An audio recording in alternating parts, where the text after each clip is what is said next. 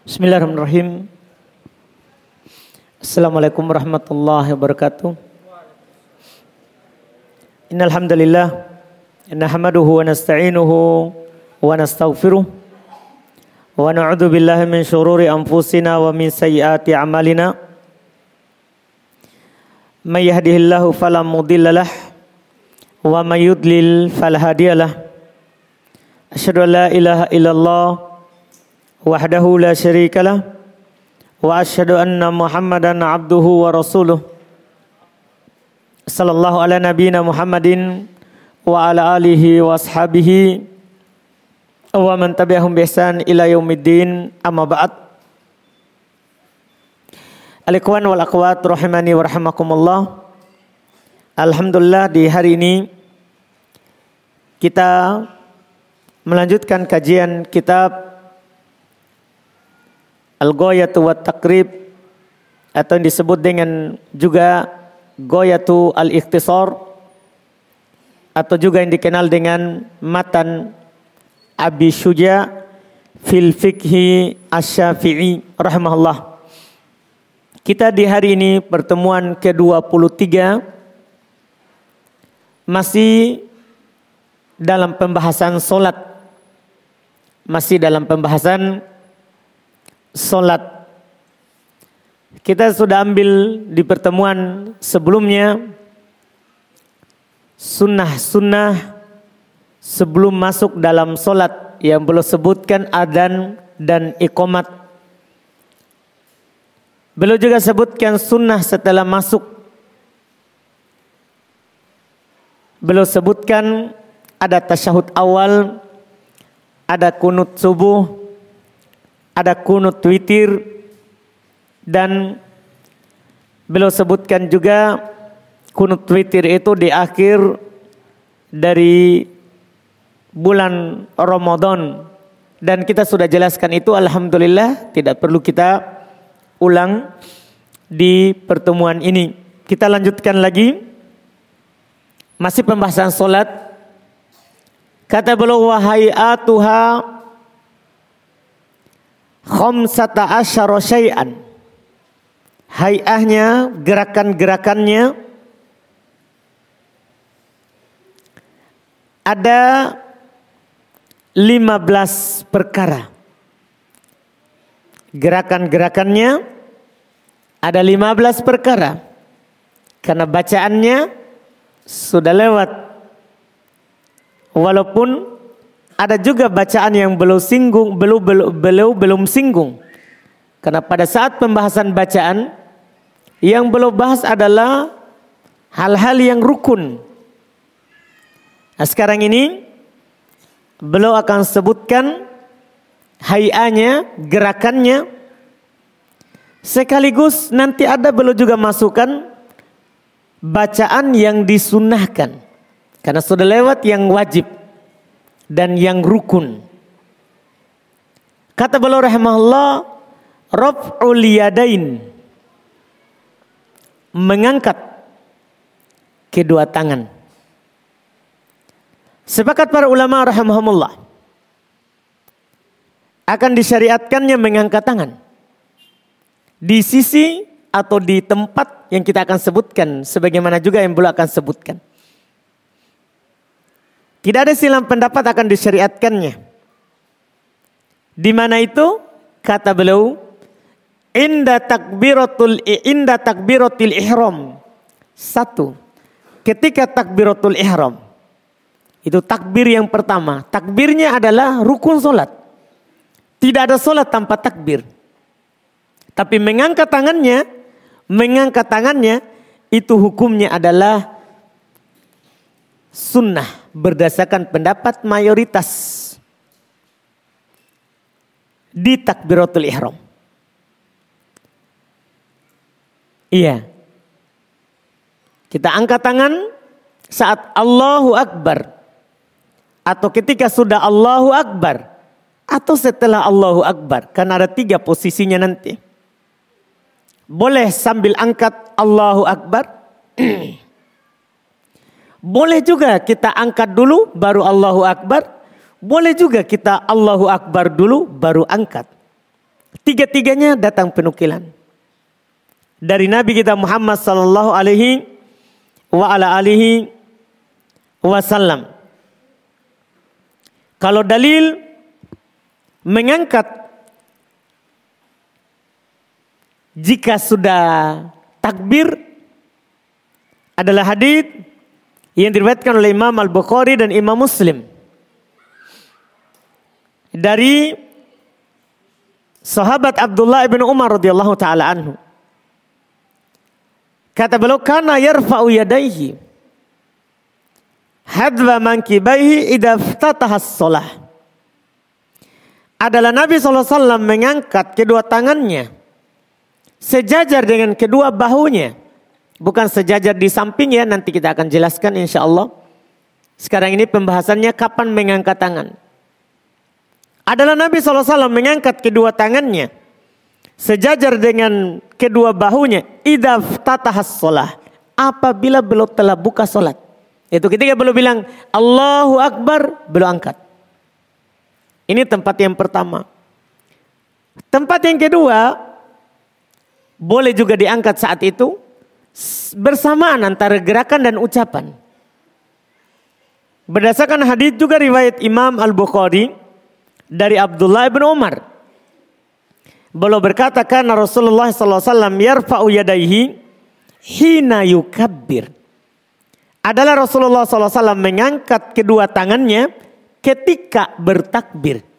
Jadi pada saat kita bilang Allahu Akbar itu angkat. Allahu Akbar. Angkat sambil ucapkan. Ini tempat yang kedua.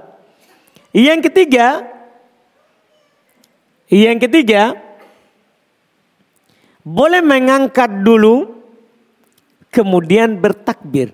Kalau yang pertama kan takbir baru angkat. Kedua takbir sambil angkat. Yang ketiga boleh angkat dulu. Setelah angkat baru takbir. Jadi kita angkat baru Allahu Akbar. Ini berdasarkan hadis riwayat Imam Muslim dari Abdullah bin Umar radhiyallahu taala anhuma Beliau berkata karena Rasulullah SAW idha qomalis sholah adalah Rasulullah SAW apabila beliau berdiri untuk sholat. Ropa yadaihi hatta yakuna hadba mankibaihi summa yukabbir. Pakai kata summa ada diakhirkan. Nabi SAW mengangkat kedua tangannya sejajar dengan bahunya. Kemudian beliau takbir. Jadi belum angkat dulu, baru apa? Bertakbir. Ini yang disebutkan kapan diangkat itu tangan saat bertakbiratul ihram. Ya, kapan diangkat itu tangan? Saat takbiratul ihram. Adapun batasannya sekarang baru kita jelaskan walaupun ada hadisnya tadi, cuman beda pus, beda pembahasan. Adapun batasannya sampai mana diangkat? Maka dalam masalah ini ada dua hadis dan dua-duanya sama-sama boleh dilakukan. Mana yang mudah saja bagi kita. Dan mana yang kita inginkan, dua-duanya dapat pahala sunnah. Pertama, boleh kita mengangkatnya sebatas dengan kedua bahu. Ini dua bahu ini, ya kita angkat tangan sejajar dengannya, sejajar dengan kedua bahu. Tetap di depan, tidak di samping. Kan kalau di samping nanti mengganggu tetangga. Tetap di depannya. Ya dan sepakat para ulama, telapak tangan di depan, tidak di belakang. Itu semua posisi angkat tangan nanti yang kita akan sebutkan. Semua tangannya di telapanya menghadap kiblat, bukan menghadap ke kita. Bahkan saat bangkit dari ruku tidak ada silam pendapat itu. Kan kalau kita lihat di awam kalau bangkit dari ruku dia apa? Di sini. Iya? Kenapa bisa? Karena mereka kaji sendiri bilangnya kan doa. Kan sami Allahu liman hamidah adalah apa? doa. Jadi karena doa kita doa begini. Bukan, ini bukan karena doanya. Di sujud kita doa. Tapi kan kita hadapkan ke bawah tangannya tidak begini. Karena kita sholat bukan menurut yang kita pikirkan, tapi kita sholat seperti Nabi sholat. Tidak ada silam pendapat bahwa tangan itu telapak tangan dihadapkan ke kiblat. Tidak ada silam pendapat, biar pendapat Syafi'iyah. Iya, biar pendapat Syafi'iyah. Iya, dinukil oleh Syekhul Islam yang Taimiyah rahimahullah. Posisinya itu, maksudnya telapak tangannya. Sisinya, batasannya boleh sampai bahu. Hadis yang tadi telah berulang berapa kali. Hadis Abdullah bin Umar ada dalam riwayat Bukhari Muslim, ada riwayat Bukhari. Bahwa Nabi SAW mengangkat tangannya sampai sejajar dengan kedua bahunya. Iya. Yang kedua, boleh sampai ujung daun telinga. Itu paling tingginya yang disebutkan. Itu yang paling tingginya. Sampai ke ujung daun telinga paling tingginya. Iya. Ini berdasarkan hadis riwayat Imam Muslim.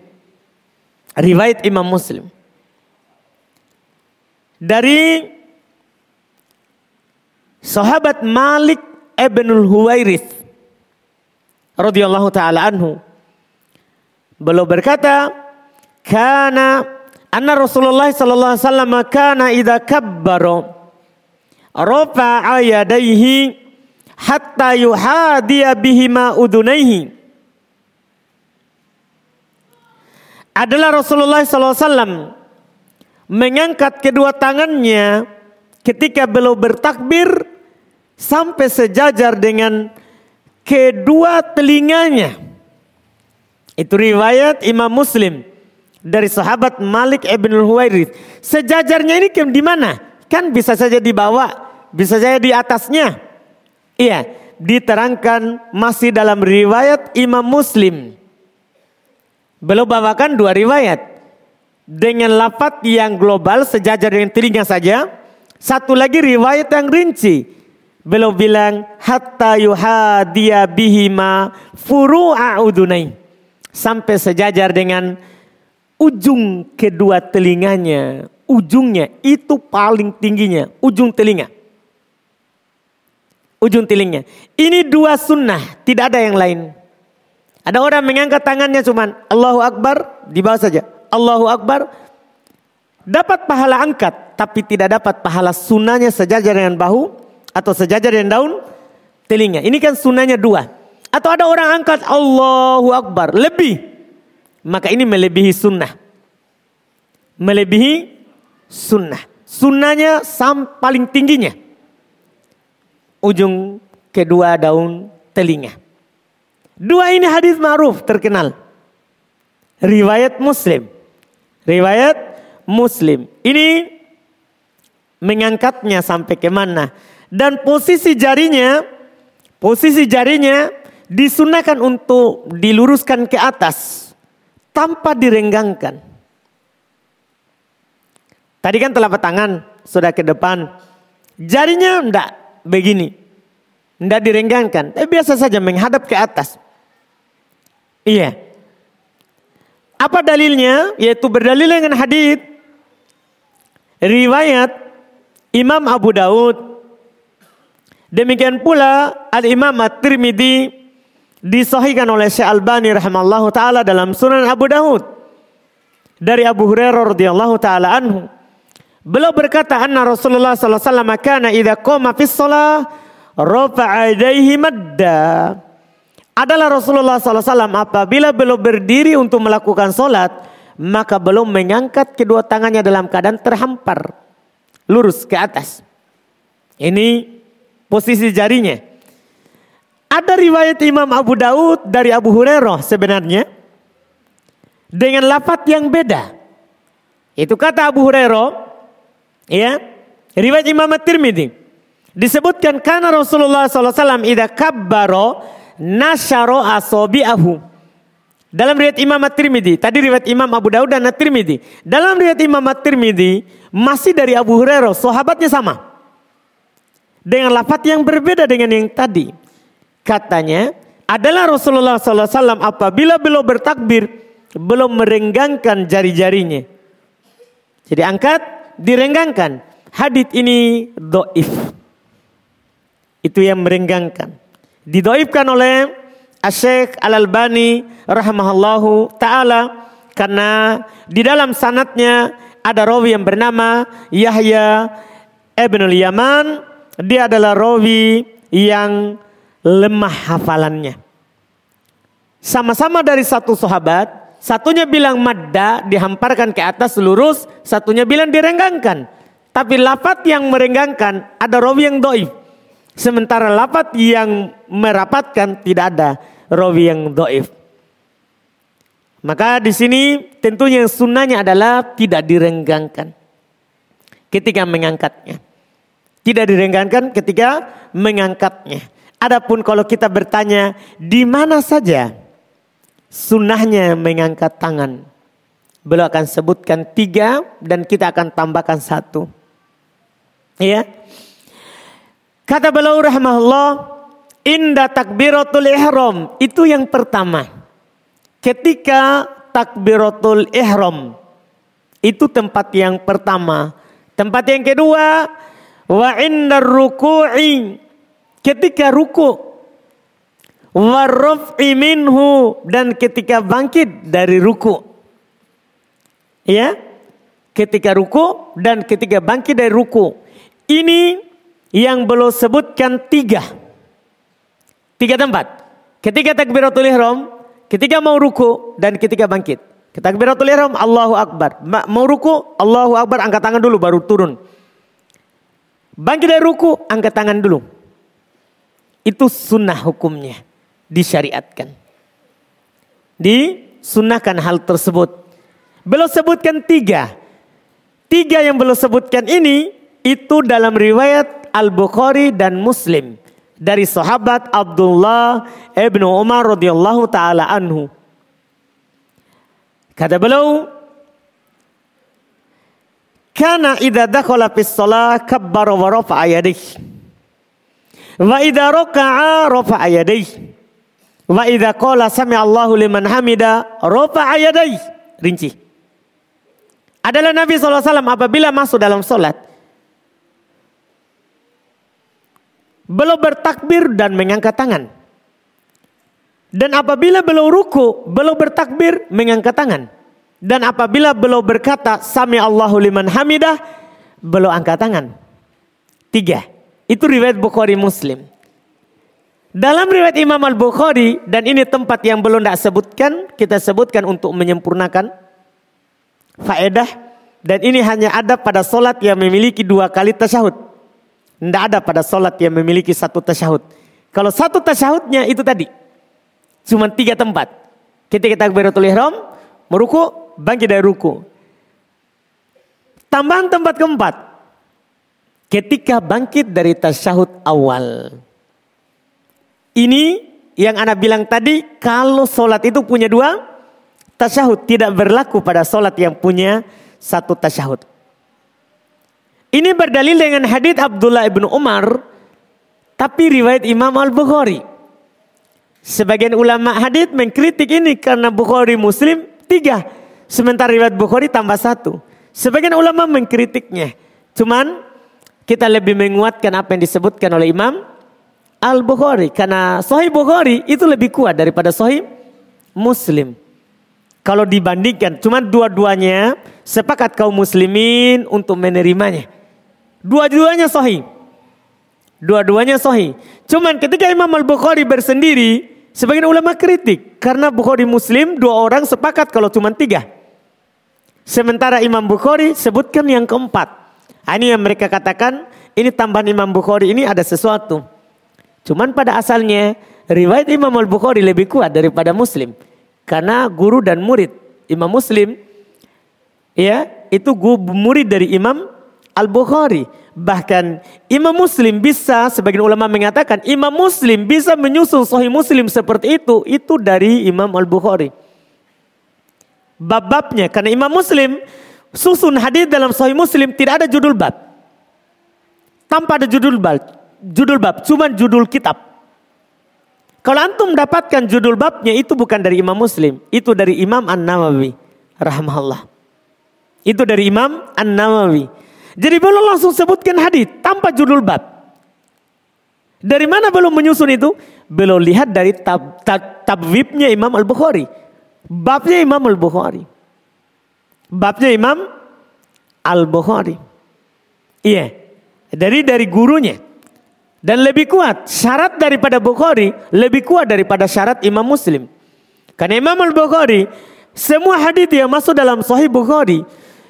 Itu semua dengan sanat bersambung. Dan belum mempersyaratkan harus luki, harus bertemu antara ini murid dan guru, baru belum masukkan. Kalau Imam Muslim lebih ringan sedikit sanat sanatnya, syaratnya. Belum dah persyaratkan harus ketemu. Yang penting semasa. Atau paham ini? Artinya kalau dua rawi ini antara guru dan murid ini tidak dipersyaratkan harus ketemu. Yang penting imkanul liko. Mungkin ketemu karena tahun lahir sama tahun meninggal ketemu ini dua orang itu sohi Muslim. Jadi lebih turun syaratnya dibandingkan dengan sohi Al-Bukhari. Tentunya semua ini kita tahu bukan di hadith tapi kita tahu di ya pembahasan mustalah hadith. Ada dari sini nanti itulah alasannya. Kalau ada yang menguatkan riwayat Bukhari saja daripada Muslim, itu itu sisinya. Karena yang paling kuat adalah Bukhari Muslim. Setelah itu kedua adalah Bukhari sendiri. Setelah itu Muslim sendiri. Itu kalau disusun, mana dalil yang paling kuat? Setelah Quran, kita tidak berbicara tentang Quran. Kalau Quran mutlak. Itu cara berdalil dan menyusun pendalilan. Kalau antum berdalil, berdalil dulu dengan Quran. Kalau ada. Dalil Qurannya. Setelah itu, hadith. Bukhari Muslim lebih diutamakan daripada Muslim saja atau Bukhari saja. Kalau mereka bersendiri, Bukhari saja dulu lebih diutamakan daripada apa? Muslim. Itu susunannya. Kemudian nanti dalil yang jelas lebih utama daripada dalil yang samar. Itu namanya cara berdalil urutannya. Ah, di sini sekarang ada Imam Al Bukhari bersendiri. Ah, di sini sebagian yang mengutamakan dan itu menggenapkan empat tempat mengangkat tangan. Empat tempat mengangkat tangan. Kemudian Beliau sebutkan berikutnya Wawad'ul yamin ala shimal.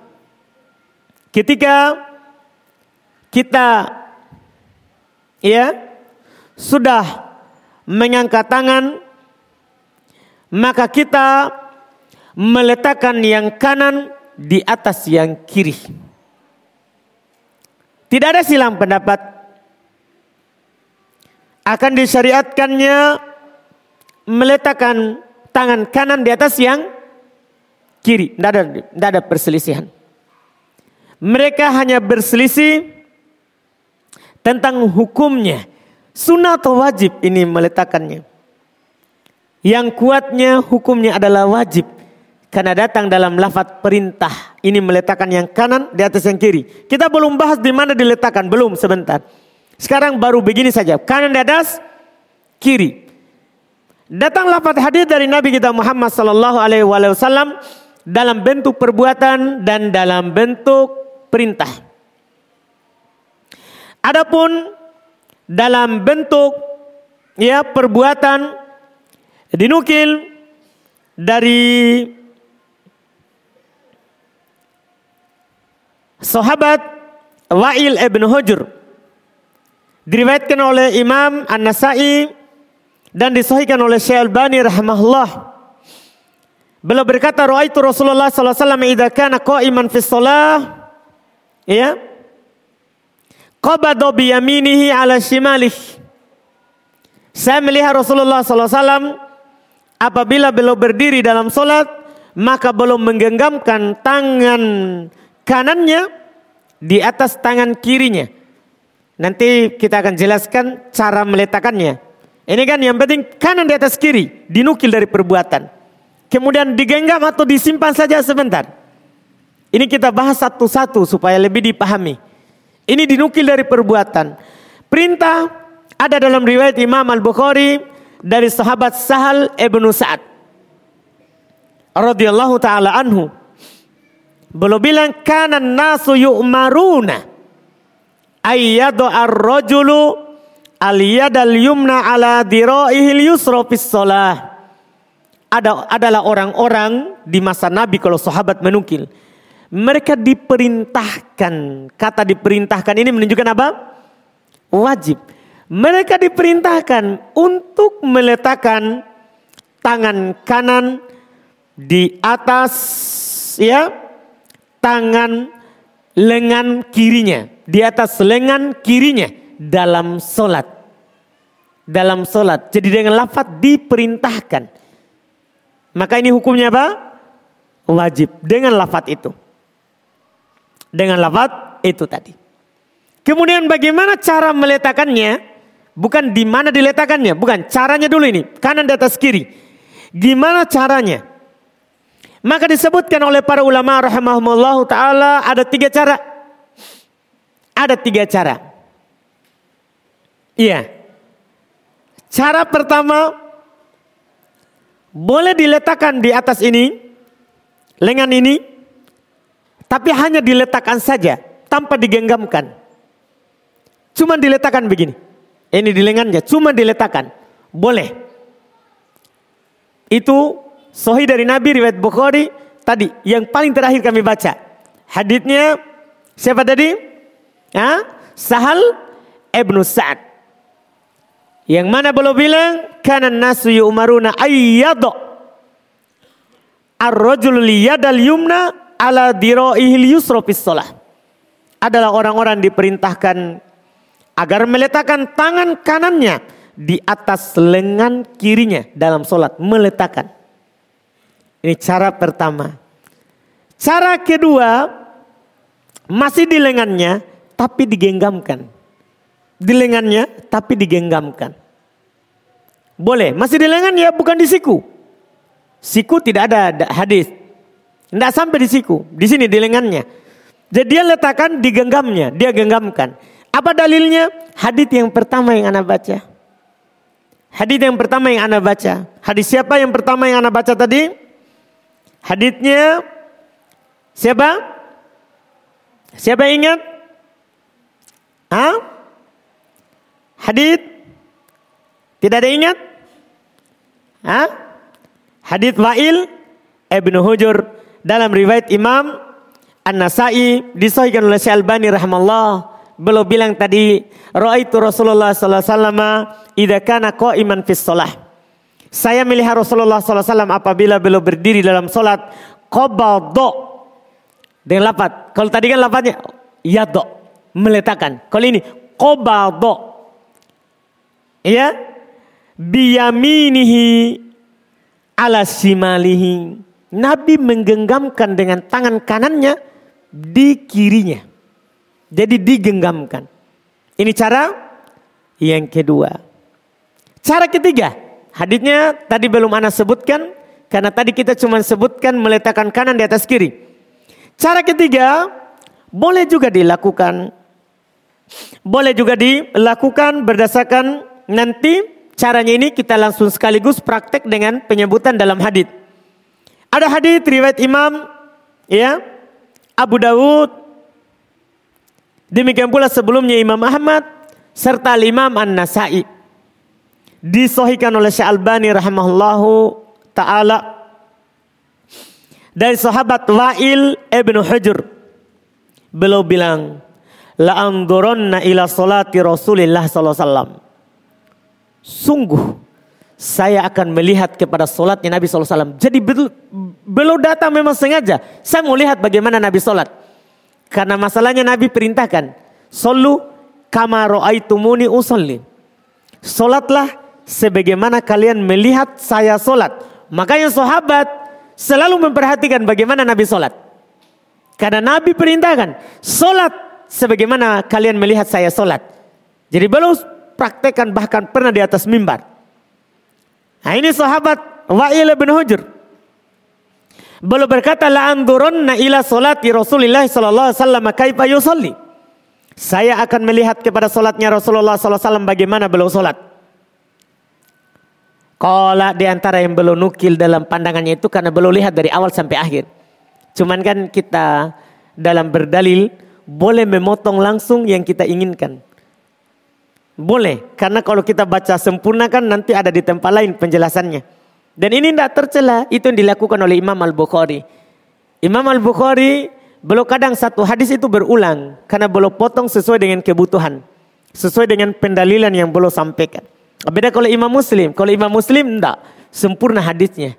Belum sampaikan secara utuh. Iya, belum sampaikan secara utuh. Jadi di antara yang belum nukil adalah Yumna ala dhahri yusra warusgi adalah Nabi SAW meletakkan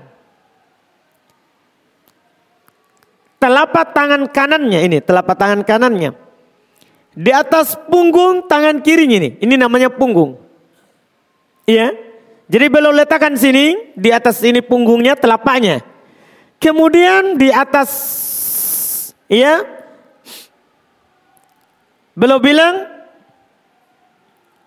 warusgi di atas rusuk ini namanya rusuk ini pergelangannya ini rusuk wasaid ini namanya said lengan bagian bawah jadi ini ini namanya kaf Nah, ini namanya kaf, telapak tangan. Ini namanya dohor kaf, ini namanya punggungnya. Ini namanya rus, rusgun. Ini pergelangannya. Ini namanya Said. Dia ini telapak tangan kan, ini Said. Jadi belum letakkan ini tangan kanannya ini di atas punggungnya ini. Kemudian menutupi pergelangannya dan Saidnya. Kan jarinya sampai ke sini. Ini cara ini cara keberapa ini? Ketiga. Mungkin bisa dipahami. Tiga ini semua sahih dari Nabi kita Muhammad SAW. Mana yang dimudahkan? Mana yang dimudahkan? Iya. Karena kan nanti kita akan berbicara tentang posisinya. Apakah di atas dada, perut, pusar, di bawah pusar. Kan itu nanti Tergantung di mana posisi kita letakkan, di situ mudahnya apa. Jangan sampai kita pasti letakkan di sini genggam, tapi kita simpan di dada. Kan seperti tidak nyaman. Iya kan? Beda kalau seperti ini. Bisa di dada. Dan di bawah juga. Bisa. Posisinya ini mana yang mudah? Sebentar. Kita akan bahas di mana diletakkan. Ini kan baru kanan di atas kiri. Itu cara meletakkannya. Tiga, semuanya sah dari Nabi kita Muhammad sallallahu alaihi wasallam.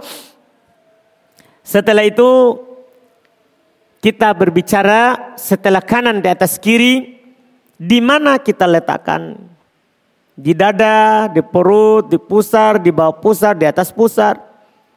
Para ulama berselisih pendapat terkait dengan hal tersebut.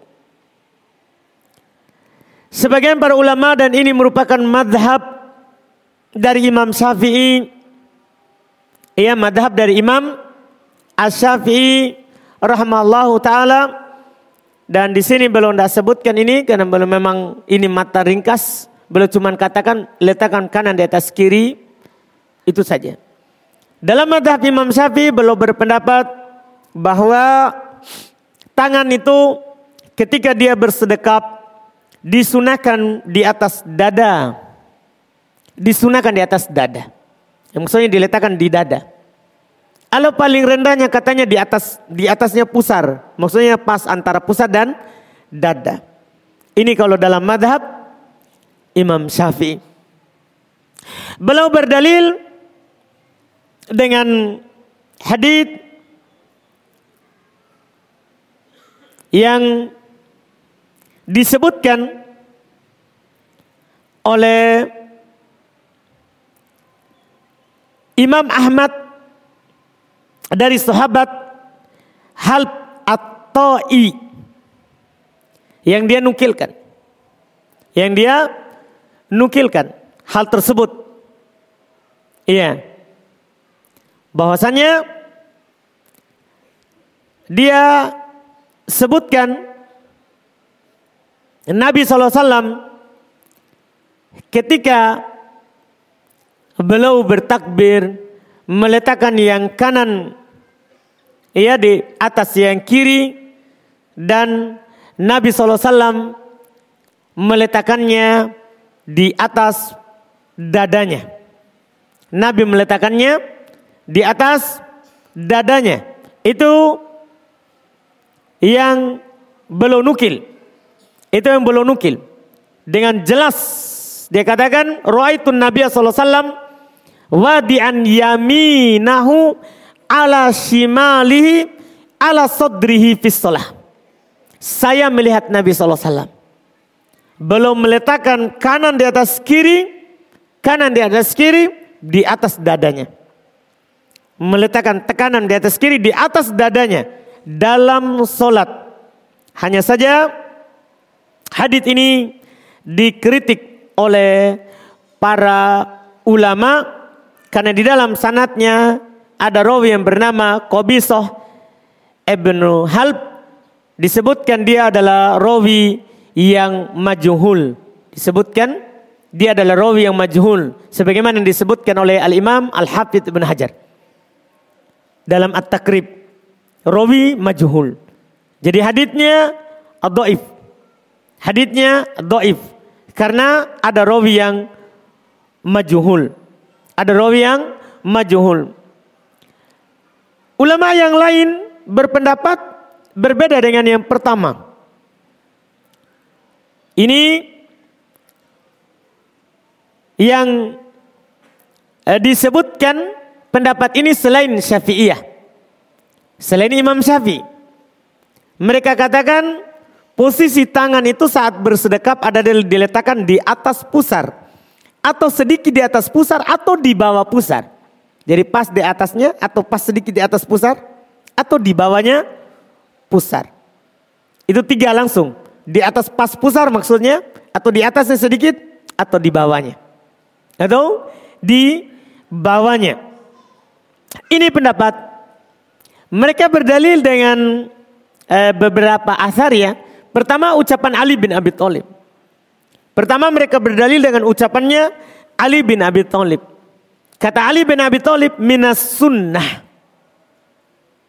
Wad'ul kafi alal kaf fis salati tahtas surah. Termasuk sunnah. Seorang meletakkan telapak tangan di atas punggung kanan tangannya di bawah pusar. Ali bin Abi Thalib bilang termasuk sunnah dilakukan seperti itu.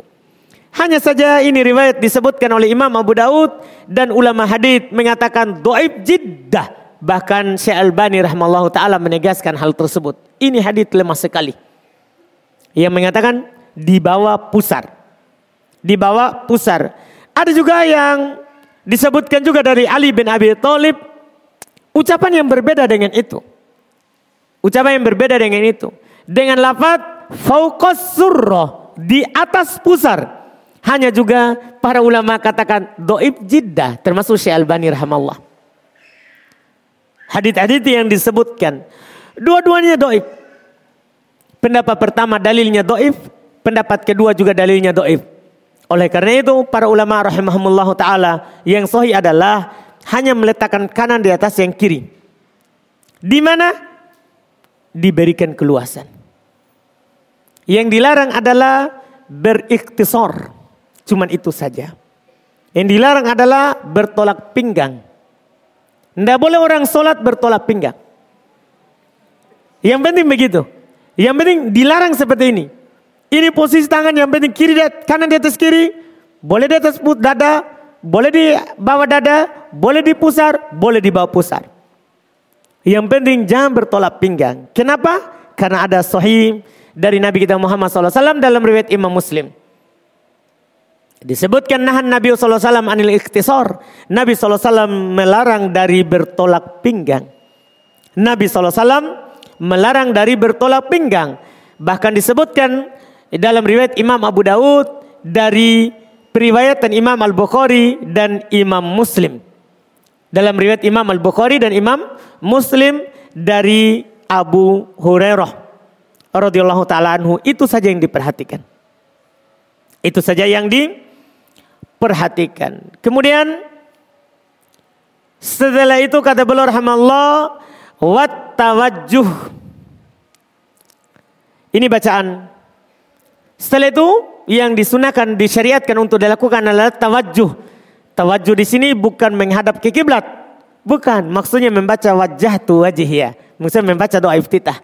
At-tawajjuh maksudnya membaca iftitah. Wajah tu wajih lilladzi fataras samawati wal ardi hanifa muslima. Wa ma ana minal musyrikin inna salati wa nusuki wa mahyaya wa mamati lillahi rabbil alamin. La syarika lahu wa bidzalika umirtu wa ana minal muslimin. Ini maksud dari wat tawajjuh yaitu membaca doa iftitah. Membaca doa iftitah. Membaca doa iftitah sunnah. Tidak ada yang menyelisihinya kecuali Imam Malik Imam Malik berpendapat tidak sunnah baca doa iftitah. Dan para ulama kita berikan udur kepada beliau, tidak sampai kepada beliau hadis tentang iftitah sehingga belum mengatakan tidak disyariatkan. Iya, tidak disyariatkan. Karena Imam Malik memang sangat jelas pendapat beliau tidak disyariatkan doa iftitah. Ah, ini menyelisih hadis-hadis yang sangat banyak terkait dengan doa iftitah.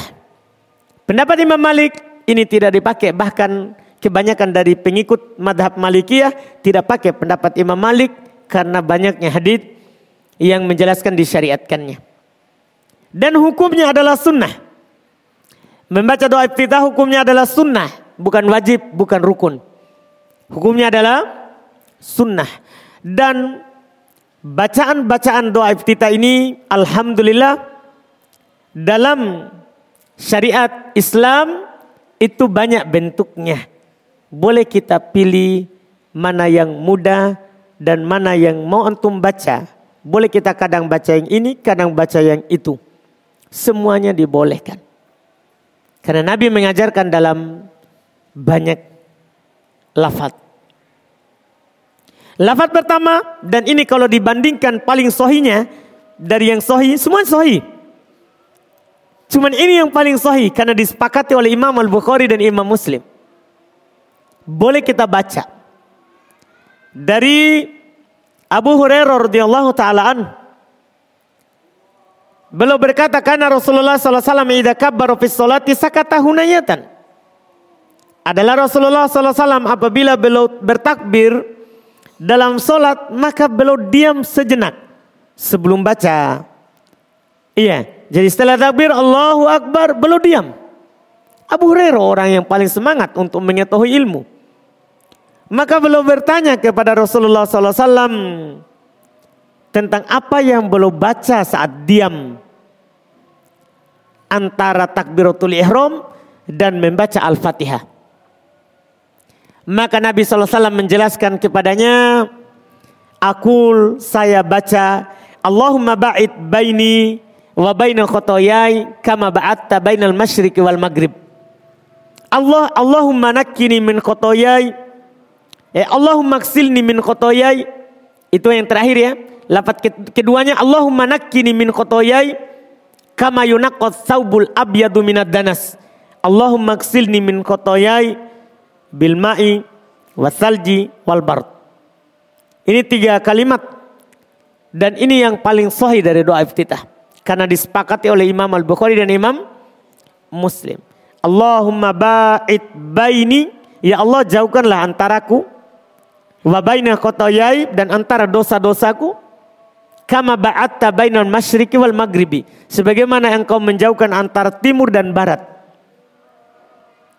Allahumma nakini min khotoyai. Ya Allah sucikanlah saya dari dosa-dosaku. Kama yunaqqat thawbul abyadu minad danas. Sebagaimana dibersihkan pakaian putih dari kotoran Allahumma ksilni min khotoyai. Ya Allah, sucikanlah saya dari dosa-dosaku dengan air, salju, dan embun. Ini doanya. Doa iftitah yang pertama boleh kita baca kalau mampu kita hafal Alhamdulillah. Kalau tidak mampu, boleh baca doa kedua. Ada dalam riwayat Imam Al-Bukhari, eh Imam Muslim dari sahabat Abdullah ibn Umar. Dengan bacaan yang sangat pendek, tapi keutamanya besar. disebutkan dalam riwayat Imam Muslim. Bacaan iftitah dengan bacaan Allahu Akbar kabiro walhamdulillahi kathiro wa subhanallahi bukratan wa asilah. Allahu Akbar kabiro walhamdulillahi kathiro wa subhanallahi bukratan wa asilah. Ini bacaan. Riwayat Imam Muslim dari Abdullah ibn Umar. Dia pendek tapi punya keutamaan. Kata Nabi SAW, ajib tulaha. Saya takjub terhadap doa itu. Saya takjub terhadapnya. Futihat laha abwabus sama. Dibuka karenanya pintu-pintu langit. Jadi doanya pendek. Tapi dibuka pintu-pintu langit. Allahu Akbar kabira walhamdulillahi kathira wa subhanallahi. Baca ta'ud nanti setelahnya baru basmalah al-fatihah. Pendek sekali. Iya. Ini Ibnu Umar radhiyallahu taala anhu ini juga fikihnya nanti boleh kita memilih salah satu doa dan kita tidak ganti-ganti. Boleh. Walaupun diganti-ganti juga itu lebih utama. Karena lebih menghadirkan khusyuk. Kan kalau itu-itu terus takbir langsung. Mulut komat kami tanpa tidak ditahu apa yang dibaca. Itu kekurangannya kalau itu terus. Dan kalau kita ganti-ganti hadir pikiran kita untuk membacanya. Tapi kalau siapa yang memilih satu saja tetap khusyuk, tidak ada masalah. Karena Abdullah bin Umar ketika belum mendengar ini keutamaan, belum berkata, "Fama tuhunna mundu sami'tu Rasulullah sallallahu alaihi wasallam yaqulu dalik." Saya tidak pernah meninggalkan bacaan itu semenjak saya dengar. Jadi semenjak belum dengar itu bacaan, tidak pernah belum tinggalkan. Kalau doa ibtidah, selalu belum baca. Allahu Akbar kabiro, walhamdulillahi kathiro wa subhanallahi bukrata wa. Boleh kita baca. Doa ketiga. Boleh juga mungkin dibilang lebih pendek lagi dari yang tadi kalimatnya. Ada dalam riwayat Imam Muslim. Ada dalam riwayat Imam Muslim. Dari sahabat yang berbeda dari Anas bin Malik. Belum menukilkan doa iftitah dari Nabi SAW dengan bacaan yang pendek sekali. Alhamdulillah hamdan kathiron toyiban mubarakan fi. Alhamdulillah hamdan kathiron toyiban mubarakan fi. Itu riwayat Imam Muslim. Bersamaan dengan pendeknya ada keutamaannya. Kata Nabi SAW, Ra'aitu itna asyara malakan yabtadirunaha ayyuhum yarfa'uha. Saya melihat ada 12 malaikat berebut untuk mengangkatnya. Keutamaan, Masya Allah. Kalau yang tadi dibuka pintu langit. Kalau yang ini 12 malaikat setiap kita baca berebut untuk mengangkatnya. Ke Allah Subhanahu wa taala amalan ini doa iftitah. Sangat pendek keutamaannya. Ya, boleh juga kita baca doa iftitah yang lain juga tapi sudah di luar daripada riwayat Imam Al-Bukhari dan Muslim. Di luar daripada riwayat Muslim. Ada dalam riwayat Imam Ahmad, Abu Daud, At-Tirmidzi, An-Nasai dan disahihkan oleh Syekh Albani rahimallahu taala dengan bacaan Subhanakallahumma wa bihamdik tabarakasmuka wa ta'ala jadduka wa la ilaha ghairuk. Subhanakallahumma wa bihamdik tabarakasmuka wa ta'ala jadduka wa la ilaha ghairuka. Boleh juga dibaca itu. Ini sahih dari Abu Sa'id Al-Khudri radhiyallahu taala anhu. Radhiyallahu taala anhu. Ini pendek-pendek. Boleh juga kalau mau pilih yang lebih panjang. Ada dalam riwayat Imam Muslim dari Ali bin Abi Thalib. Mungkin ini dikatakan yang paling panjang dari doa iftitah. Boleh juga bagi yang mau membacanya dan bisa menghafalkannya. Dan di kalau kita bukan menjadi imam, kalau imam bisa dibaca. Kan bisa dia perpanjang doa iftitahnya. Karena makmum pasti tunggu dia. Dan kalau kita jadi makmum, jangan. Karena bisa saja imam sudah selesai Al-Fatihah dan surah setelahnya kita masih iftitah. Iya. Yeah. Tapi kalau kita sholat sendiri, kita bebas panjangkan seberapapun boleh juga kita baca alhamdulillah. Karena ini doa kita sahih. Dari di riwayat Imam Muslim dari Ali bin Abi Thalib radhiyallahu taala an dengan bacaan Wajahtu wajhiya lilladzi fataras samawati wal arda hanifa wa ma ana minal musyrikin.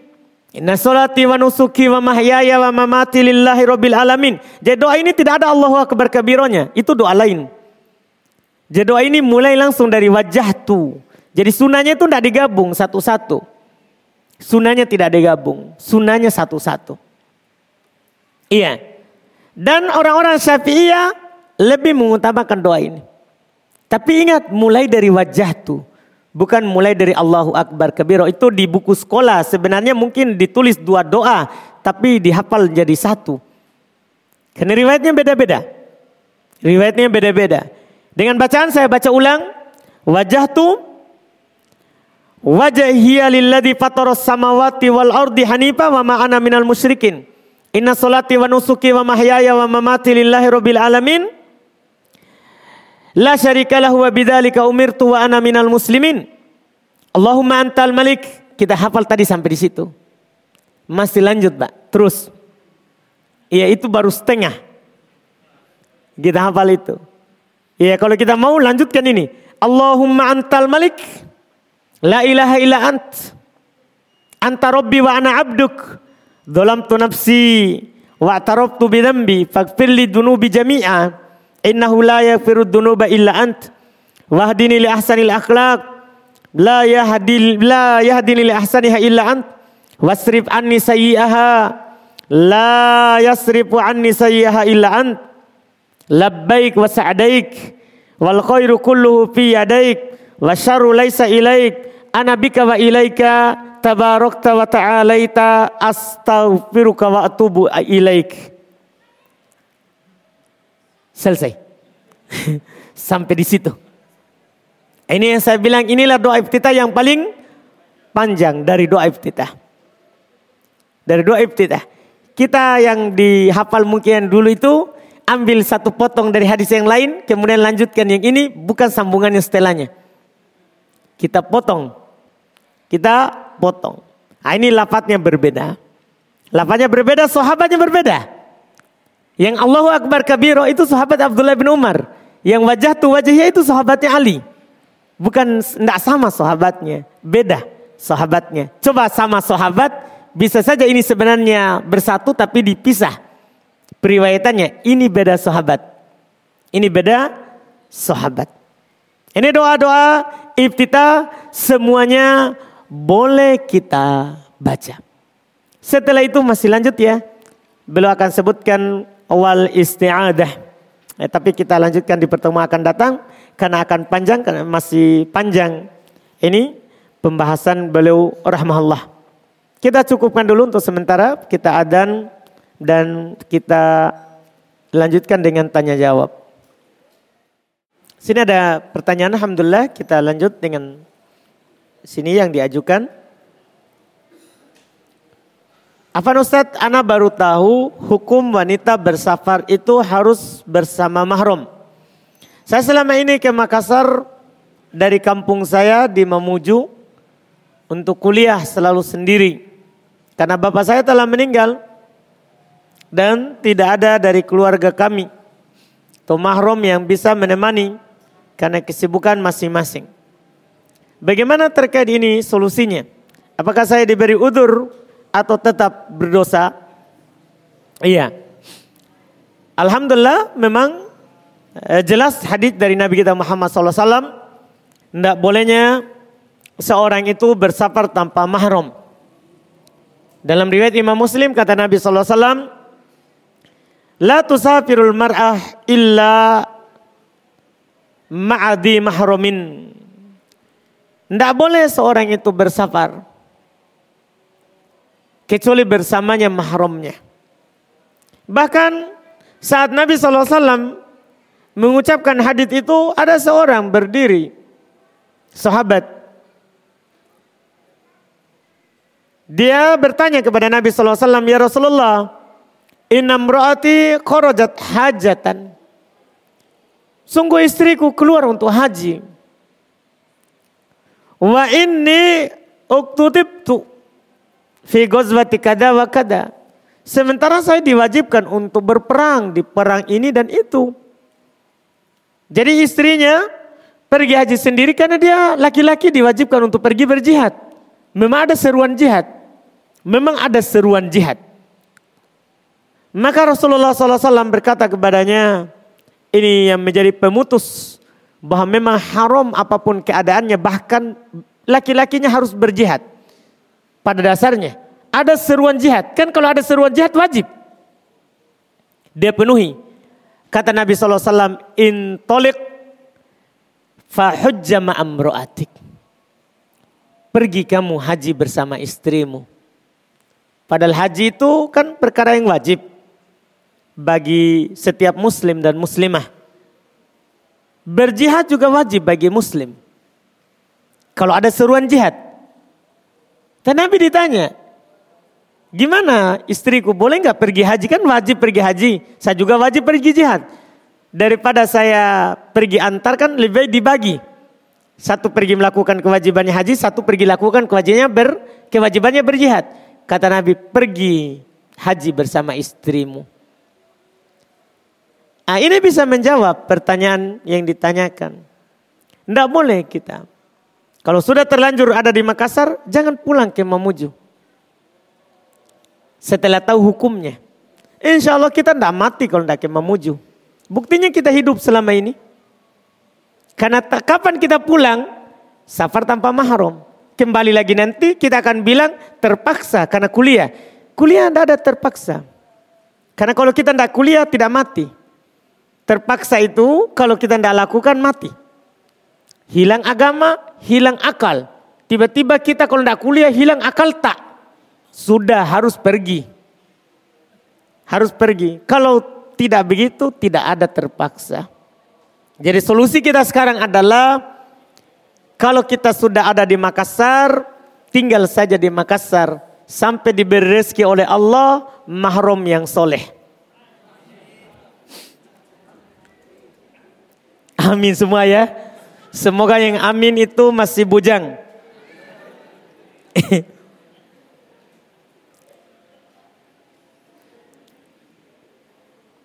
Kemudian ini ada pertanyaan berikutnya.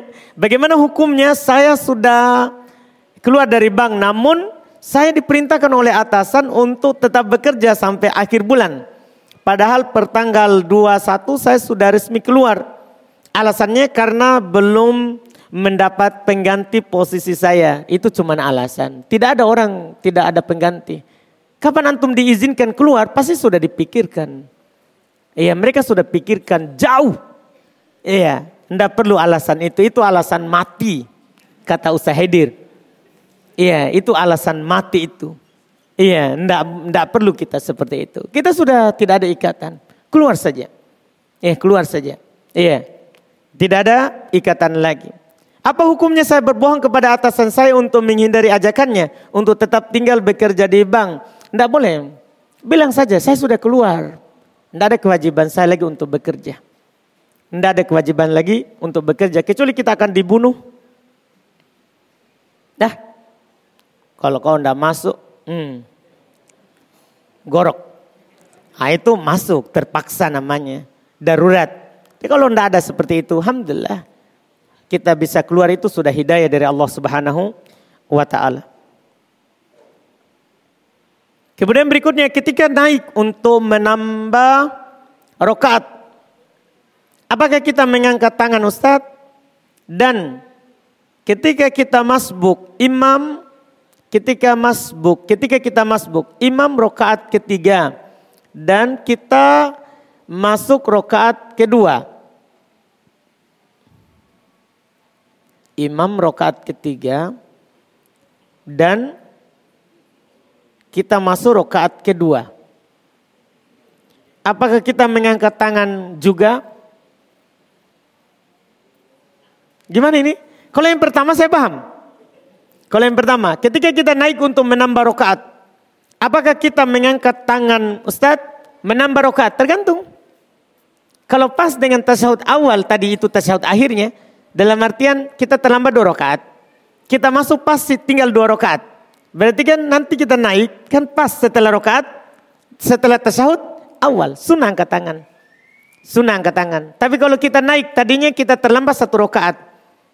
Ketika sholatnya misalnya dua rokaat saja, sholat subuh. Misalnya, kan tidak ada sunnah angkat tangan setelah tasyahud. Demikian pula di sholat duhur. Kita terlambat satu rokaat. Kan kita sudah tasyahud tadi ikut imam bukan tasyahud awal. Itu tasyahud karena ikut imam. Karena ikut imam. Tidak sunnah angkat tangan. Tidak sunnah angkat tangan. Karena posisinya cuma empat. Angkat tangan. Takbiratul ihram. Ruku. Bangkit dari ruku. Ketika tasyahud awal. Itu lafadznya. Itu lafadznya. Selain itu tidak. Selain itu tidak dilakukan. Adapun lanjutannya eh, saya tidak paham karena imam di rokaat ketiga, saya di rokaat kedua. Iya.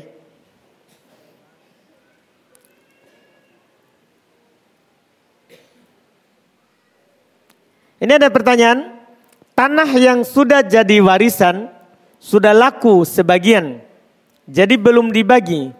Bolehkah kita mengambil duluan uang warisan dengan dalil membutuhkan dan juga yang pemegang uang sudah mengatakan yang mau ambil duluan silakan ambil. Boleh tidak apa-apa. Yang penting kan kita itu hak kita. Yang penting kita ambil adalah apa? Hak kita sesuai dengan pembagiannya. Sesuai dengan pembagiannya. Boleh saja. Kalau semuanya juga ridho kita ambil duluan. Semuanya ridho kita ambil duluan. Itu Allah alam. Kemudian berikutnya ketika kita safar. Apakah boleh ketika sholat duhur kita ikut imam sholat sempurna. Lalu setelah selesai sholat duhur kita menjamak kosor sholat asar. Boleh, tidak ada perselisihan dalam hal tersebut. Ada yang kalau kita ikut imam, misalnya kita ikut dengan mukim. Sholat duhur. Sholat duhur. Setelah salam imam kita salam. Kita bangkit lagi melakukan sholat asar, jamak kosor, jamak takdim. Boleh itu tidak ada perselisihan. Yang para ulama perselisihkan adalah kalau Jumat. Boleh nggak kita sholat asar setelahnya? Itu yang diperselisihkan. Itu yang diperselisihkan. Dan yang kuatnya boleh. Yang kuatnya boleh karena Jumat pengganti duhur. Jumat adalah pengganti duhur. Sebagaimana boleh setelah duhur, boleh setelah Jumat. Boleh setelah Jumat.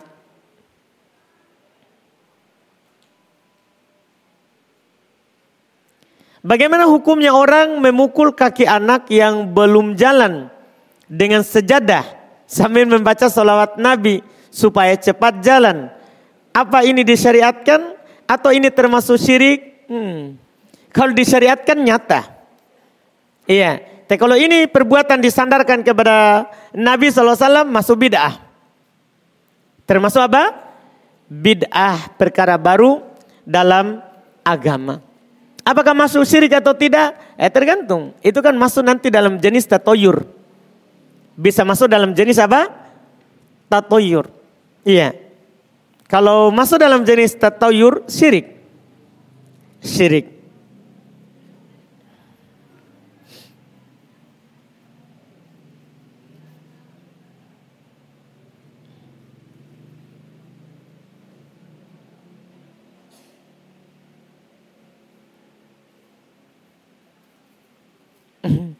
Baik, ini Alhamdulillah katanya saya mohon nasihatnya Ustadz.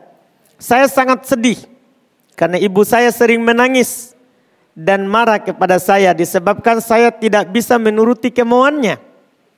Menurut beliau saya tidak sealiran karena tidak mau berzanji dan merayakan maulid.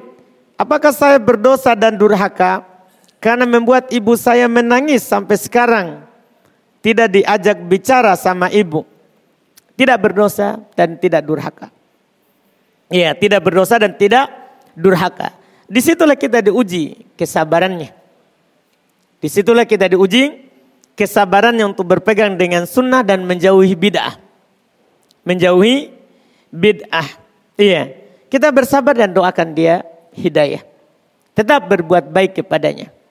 Allah Subhanahu wa taala berfirman, "Wa in jahadaka ala an tusyrika bima laisa laka bihi ilm fala tuti'huma wa sahibuhuma fid dunya ma'rufa. Kalau dia memaksa kamu untuk melakukan syirik kepadaku. Iya, jangan taati. Kalau dia mengajak untuk maulid, jangan taati. Dan itu tidak durhaka. Syekhul Islam Tamiyah menyebutkan kalau itu membahayakan agama kita sendiri, itu tidak durhaka kalau kita tidak ikut. Jadi Allah katakan jangan kamu taati keduanya. Tapi tetap temani keduanya di dunia ini dengan ma'ruf. Sesuai dengan uruf anak kepada orang tua gimana? tetap berbuat baik kepadanya. Iya. Masalah dia menangis, doakan saja. Hibur saja. Iya. Itu karena dia tidak tahu. Karena dia tidak tahu. Apakah anak tiri termasuk mahram dari adik dari adik ibu tiri? Apakah anak tiri termasuk mahram dari adik ibu tiri?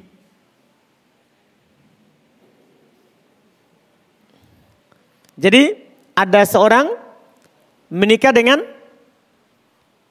seorang ikhwan begitu ya.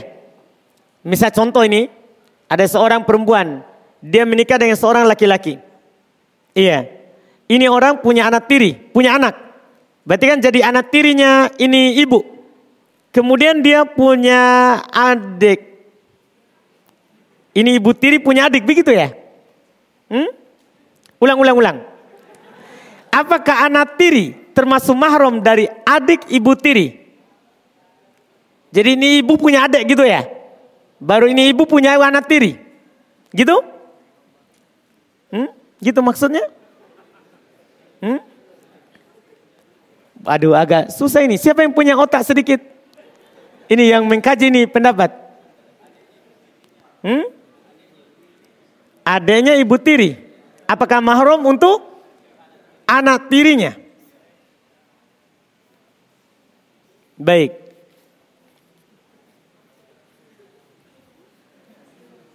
Iya. Tidak ada hubungan kata Haji Mukhlis. Kalau tidak ada hubungan tidak ada mahrum. Dek, baiklah Pak. Alhamdulillah. Iya, bukan mahrum, bukan mahrum. Anak sama anak saja bawaan bukan mahrum. Kita paham ini?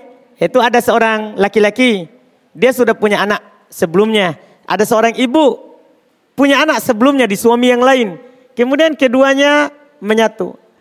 Anak ibu ini mahram untuk suaminya, anak suami ini mahram untuk ibunya. Tapi anak sama anak bukan mahram.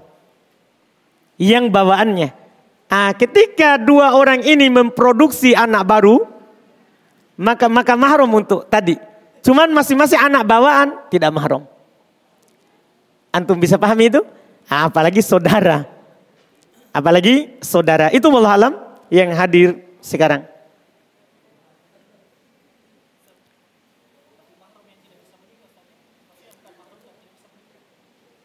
Tapi mahrum yang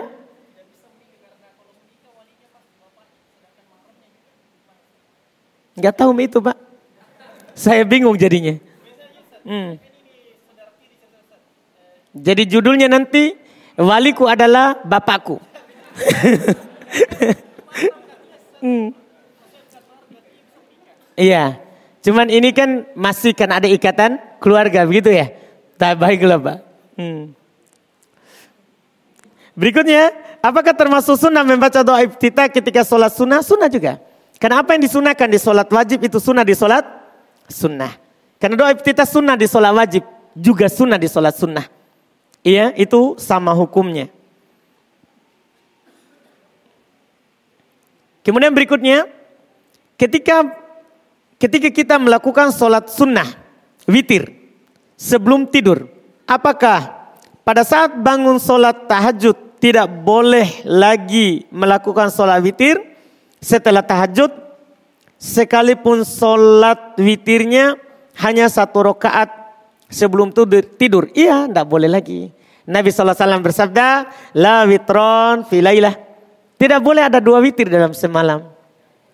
Tidak ada boleh tidak boleh ada dua witir dalam satu malam. Jadi kalau sudah witir di awal, sudah di akhirnya cuma dua-dua. Dua, dua. Kata Nabi SAW, Salatul laili matna matna. Soal malam itu dua-dua. Adalah dua, Dua. Jadi kita lakukan dua-dua saja. Dua-dua saja itu wallahualam.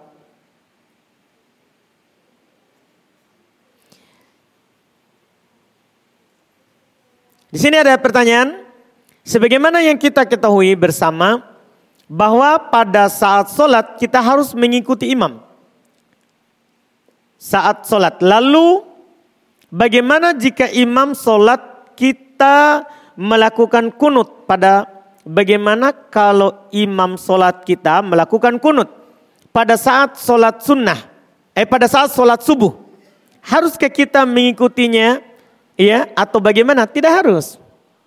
Karena yang diikuti itu bukan semua perkara, tapi perkara-perkara yang dohir, yang wajib diikuti, yang wajib diikuti. Kita tidak perlu ikuti duduknya, ya. Bahkan kalau imamnya eh, duduk, ya, di tengah di awal sholat boleh makmum berdiri. Boleh makmum berdiri. Disebutkan oleh Nabi SAW hal-hal yang wajib diikuti. Ada hadisnya, itu sambungan. Bisa kita cari hadis terkait dengan uh, ucapan Nabi SAW. Inna maju ilal imam liutama bih. Imam itu dijadikan untuk diikuti. Nabi sebutkan yang diikutinya. Jadi baca lanjutan hadisnya. Idza kabbaro fakabbiru. Kalau dia bertakbir, takbir.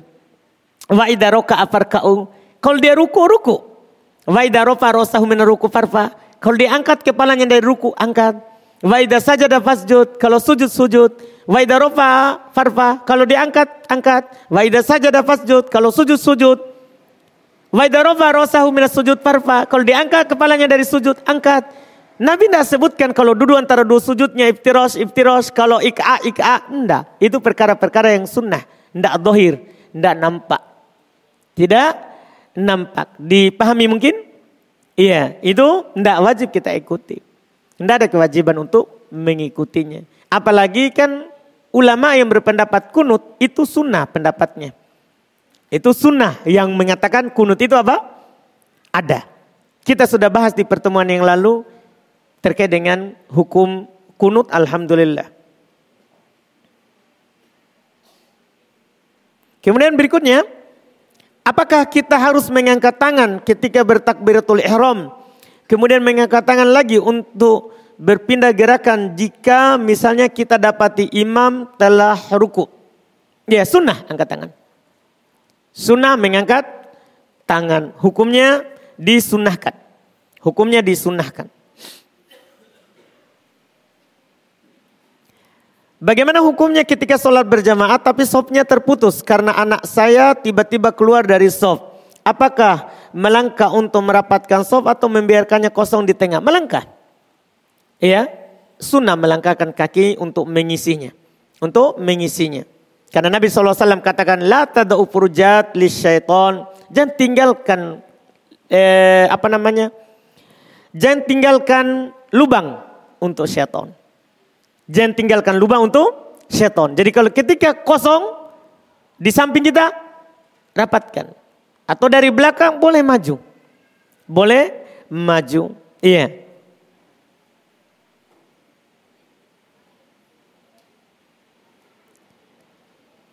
Apakah boleh makan di resto yang makanannya terjamin halal tapi di tempat tersebut tersedia khomer? Gimana caranya? Terjamin halal tapi ada khomer.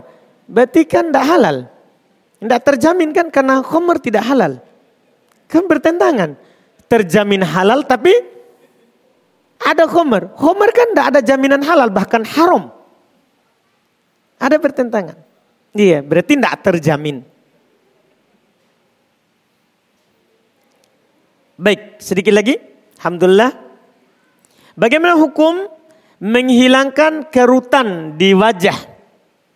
dengan prosedur medis yaitu dengan menyuntikkan cairan untuk me meritekskan apa itu otot sehingga enggak kerutan iya eh, sehingga sehingga kerutan memudar iya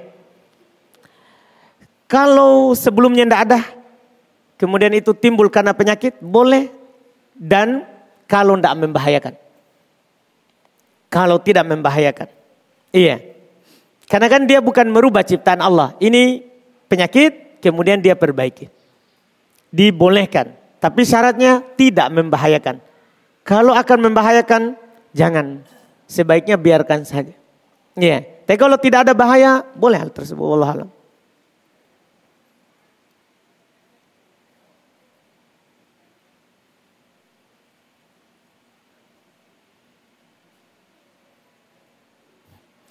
Bagaimana hukumnya membeli makanan di tempat orang Cina? Tapi sebelumnya tidak tahu kalau itu penjualnya orang Cina. Karena teman yang beli terlanjur masuk dalam perut makanannya. Iya. Kalau dia makanan dari ahli kitab kan halal. Untuk kita makan. Yang penting bukan hal yang haram untuk kita. Artinya selama jualannya jualannya halal, halal. Dia jualannya adalah jualan yang halal untuk kita makan. Halal untuk kita makan. Tapi kalau haram untuk kita makan, haram tidak boleh. Ya, tidak boleh dimakan. Kalau ada yang bilang dia kan tidak pakai bismillah mungkin bacaannya. Kalian bismillah. Kita yang makan baca apa? Bismillah. Ini ada pertanyaan, seorang suami sudah empat kali mengucapkan talak kepada istrinya. Tapi ia menganggap itu tidak berpengaruh. Atau bergampangan jika ingin rujuk. Bagaimana seharusnya istri menyikapi suami seperti ini? Ditambah lagi suaminya tidak sholat. Gemar main game dan musik. Hmm. Iya. Kalau sudah seperti itu tinggalkan saja. Ya, kalau dia tidak sholat, ya tinggalkan.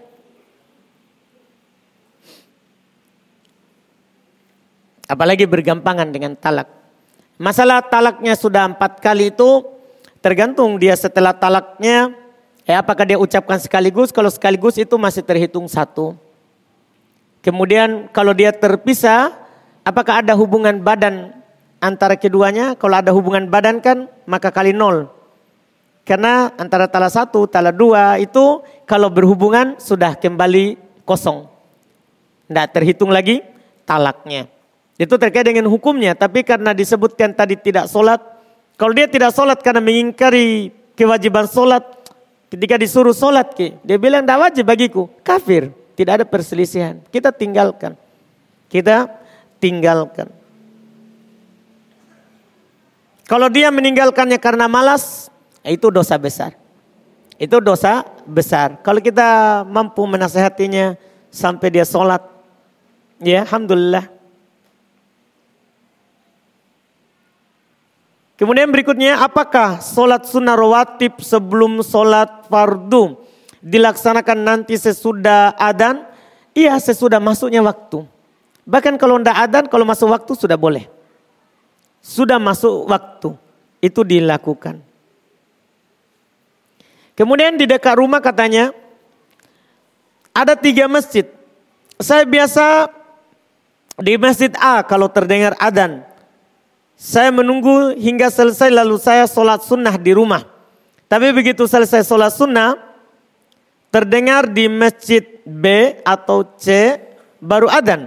Jadi saya ke masjid salah satu ini, B atau C untuk mendapatkan sholat sunnah tahiyat masjid. Karena di masjid A tadi sudah sholat rawatib kalau saya ke sana atau sholat duhur. Bagaimana dengan sholat sunnah rawatibku, apakah itu terhitung Ustaz? Tergantung. Kalau sudah masuk waktu terhitung. Kalau belum masuk waktu tidak terhitung. Jadi tergantung. Apakah di adzan sudah masuk waktu atau belum? Atau belum? Iya, itu wallah alam. Kemudian ini pertanyaan terakhir. Bagaimana hukumnya kita lupa dari sholat asar? Dikarenakan betul-betul lupa. Dan baru teringat ketika pada saat mau tidur di malam hari setelah sholat isya. Apa yang harus dilakukan Ustadz? Langsung sholat. Langsung sholat. Itulah kafaronya. Itu dendanya. Kata Nabi SAW, Man nama an sholatin au nasiyaha fal yusolliha idadakaroha. Siapa yang ketiduran dari sholat atau dia lupa, maka hendaklah dia sholat saat dia ingat. Hendaklah dia sholat saat dia ingat. Itu yang dia harus lakukan wajib segera dia sholat. Tidak boleh dia tunggu besok asar. Tidak boleh. Wajib langsung dia sholat. Saat dia ingat bahkan walaupun itu waktu terlarang untuk sholat. Kapan dia ingat? Langsung. Dia sholat. Itu wallah alam. Alhamdulillah kita selesai dari pertanyaan yang disebutkan tadi terakhir. Subhanakallahumhamdik. Assalamualaikum warahmatullahi wabarakatuh.